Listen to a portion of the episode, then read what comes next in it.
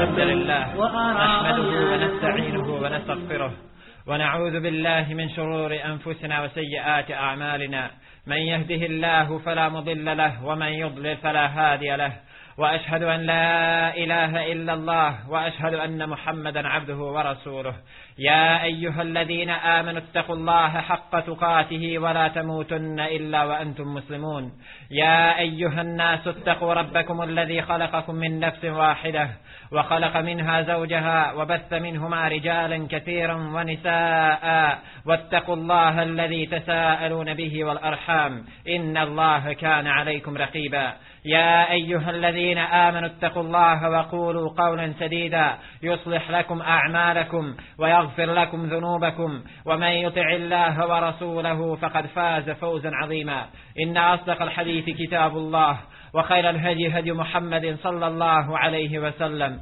وشر الأمور محدثاتها وكل محدثة بدعة وكل بدعة ضلالة وكل ضلالة في النار أما بعد الله بصني صلى الله عليه وسلم يبروز ونسب أمانة kojim ga je zadužio uzvišeni Allah tebareke ve ta'ala, a to je dostavljanje poslanici, to jest dostavljanje objave od uzvišenog Allahov poslanik sallallahu alaihi wasallam prema ovoj svojoj obavezi i prema ovom svom emanetu koji je preuzeo, brižno se odosio. Puno je napora ulagao, brinuo se za tim svojim pozivom, maksimalno se žrtvovao i to je tražio od svojih sljedbenika. O Allahovi robovi, Allahov poslanik sallallahu alaihi wasallam nam je divan uzor kako trebamo postupati u životu na ovom svijetu. Rasulullah sallallahu alaihi ve sellem se brižno odnosio prema tom svom emanetu, pa je na dan oprosnog hađa na Arefatu potražio svjedočenje od svojih sljedbenika da je on dostavio objavu, pa ih je u nekoliko navrata na dan Arefata na oprosnom hađu upitao, o skupe, da li sam vam dostavio? Pa kada bi oni kazali da dostavio si Allahov poslaniće, on bi podigao svoj kaži prst, uperivši ga u pravcu neba i kazao bi, Allahu moj, tebe za svjedoka uzimam. Njegova briga je bila dostaviti ono što je uzvišeni Allah tebareke ve ta'ala objavio. Cijenjena braćo, naša briga mora biti da dostavimo istinu onima do kojih istina nije doprla Naša obaveza je prenositi istinu drugima, druge savjetovati, upotrijebiti sva dozvoljena, raspoloživa sredstva u pozivu ka uzvišenom Allahu subhanahu wa ta'ala. Posebno podvlačim sva dozvoljena raspoloživa sredstva, iz čega se izuzimaju šariatom nedozvoljena sredstva u pozivu ka uzvišenom Allahu subhanahu wa ta'ala. Nakon završenog fakulteta, primljen je da radi kao mudarris u jednoj od osnovnih škola. Radi se o jednom brižnom muallimu koji je svoj život podredio onome što je uzvišeni Allah subhanahu wa ta'ala objavio. Primljen je na mjesto mudarrisa u osnovnoj školi. Osjećao je težinu povjerenog mu emaneta i često se zapitkivao. Da li roditelji dobrovoljno predaju svoju djecu ikom drugom do školi? Dijete provede u školi šest sati, a da se roditelj i ne zapita u kojem pravcu se usmjerava njegovo dijete i šta njegovo dijete uči. Pitanje o kojem mali broj roditelja razmišlja. Mali broj roditelja se zapita što moje dijete uči u školi i u kojem pravcu moje dijete biva odgajano. Cijelo vrijeme učiš svoje dijete da ga je Allah stvorio. Kad odjednom dijete dođe iz škole i kaže da je nastalo od majmuna. Roditelj se i ne zapitkuje šta njegovo dijete uči u školi. Jer ga o školskom programu i onom što djeca uči apsolutno ništa ne brini. Niti se o tome zapitkuje, niti ga tu brini. I nije ga briga kako će njegovo dijete biti odgojeno. I ne razmišlja o posljedicama toga. Jer to dijete šest sati dnevno provede u sve odgajatelje u školi. Zamislite šest sati pogrešnog usmjeravanja. Zamislite šest sati vožnje u pogrešnom pravcu. Koliko treba vremena da se vrati? A da ne govorimo šest puta pet trideset, pa puta toliko sedmica u godini, pa Boga mi se to nabere. I puta osam godina, i puta još četiri godine, i puta još četiri ili šest godina ako kojim slučajem bude upisao fakultet. I tako dalje. I kad vidi da je desetinama sati ili stotinama sati dijete putovalo u pogrešnom pravcu, kaže, Allahu moj, šta sam ja to skrivio, što je moje dijete zaglavilo što je moje dijete ovako? A ovaj brižni muallim je o ovom pitanju razmišljao. Iako je od svojih prijatelja ovaj muallim slušao da ta djeca koja su mala ništa ne razumiju i ne kuže i ne prihvataju, on se ipak odao pozivu ka Allahu tebareke ve ta'ala u tom svom poslu. Jer je osjetio da ta djeca prihvataju njegov govor i da taj govor oni primjenjuju u praksu. Kada bi ih posticao na dijeljenje sadake, primijetio bi da ta djeca žure da dijeli sadaku. Od njihovih roditelja bi čuo i priče da su ta djeca počela obavljati namaz u džematu. Kada bi im on govorio o obavezi obavljanja namaza u džematu, oko čega su nemarni mnogi muslimani u cijelom svijetu, a i u ovoj našoj Bosni. Pa čak bi neka djeca redovno obavljala i sabah namaz, oko čega su posebno nemarni muslimani illa men rahim Allah, osim onih kojima se uzvišeni Allah te ta'ala smilovao.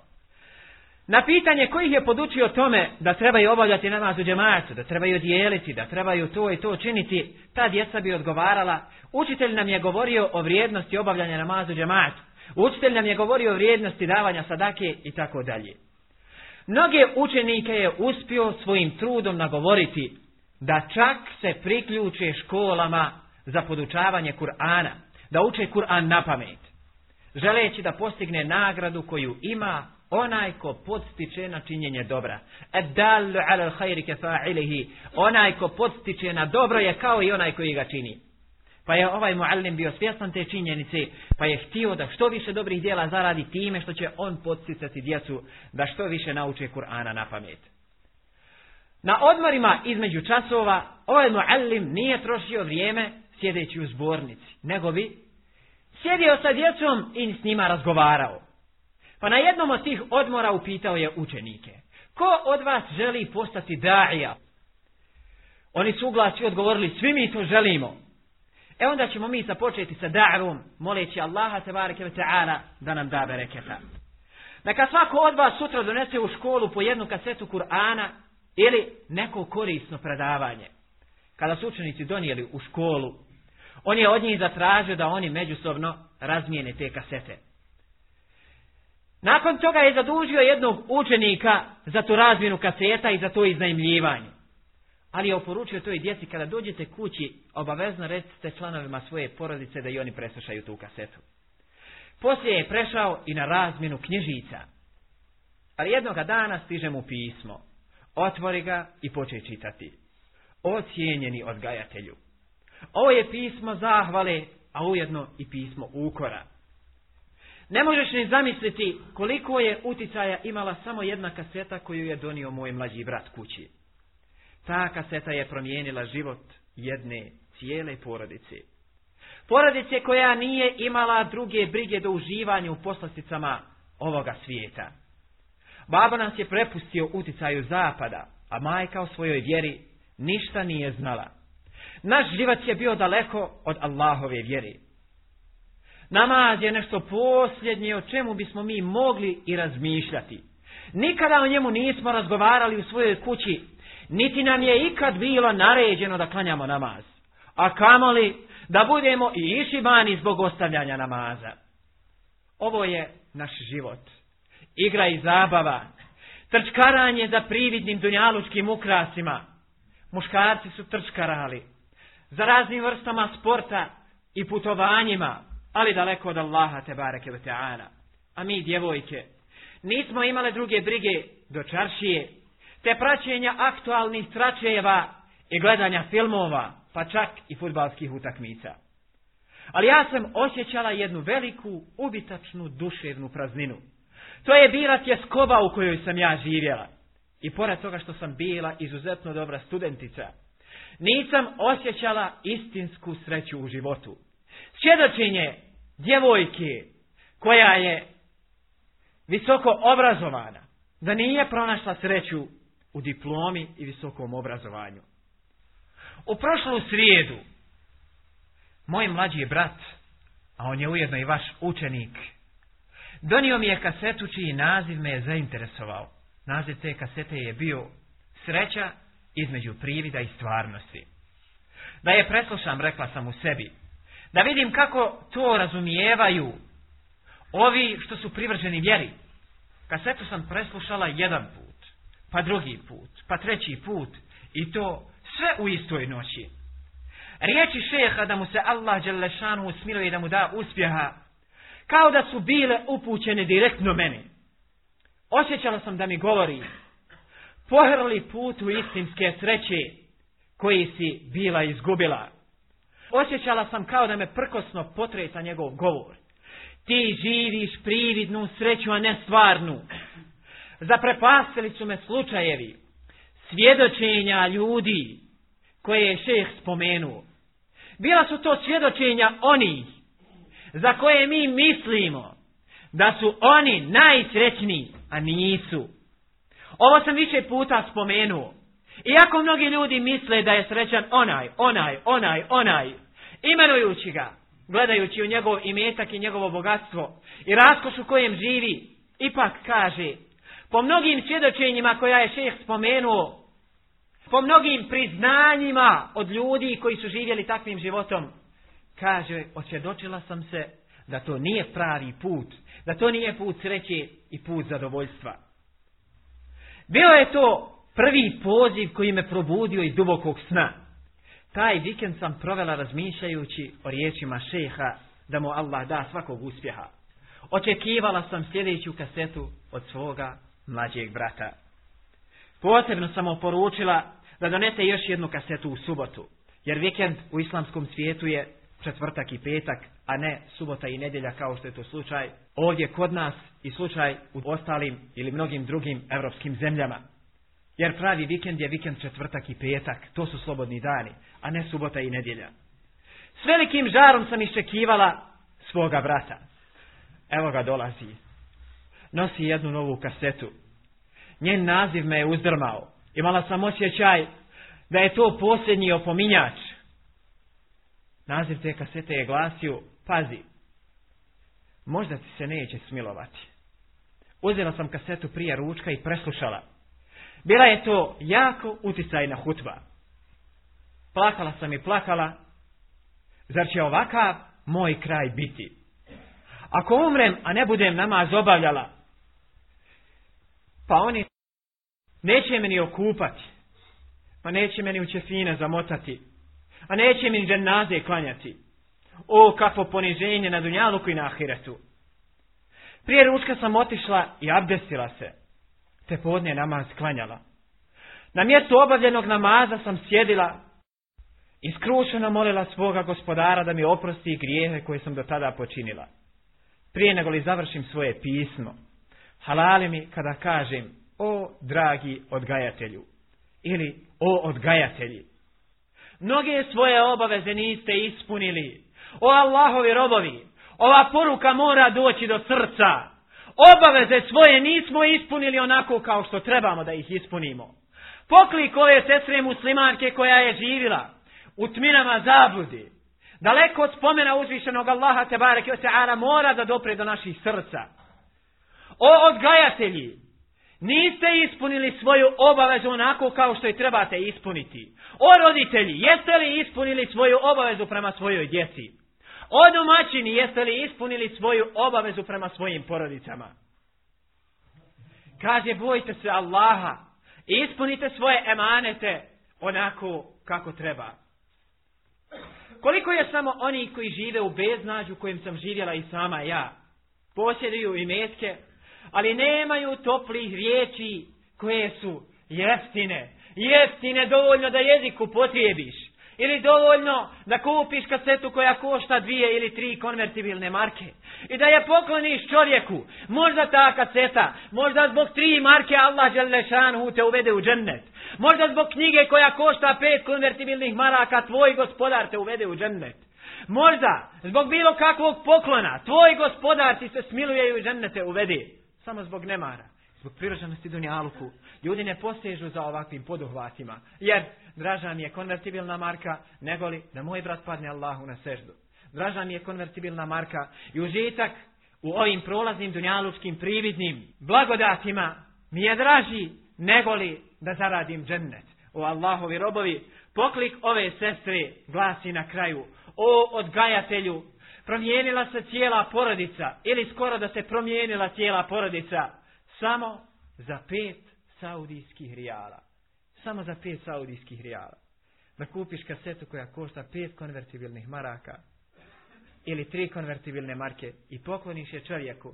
Ne kaži neće, nikada ne reci neće, nikada ne kaži neće ovaj, neće onaj. Pusti ga, vidiš kako živi, vidiš kako se životu odao, vidiš da mu je dunjaluk najpreći. Možda će ono što ćeš mu pokloniti biti presudno da se izbavi iz te tmine grijeha u kojima se nalazi. Allahu moj, smiluj nam se.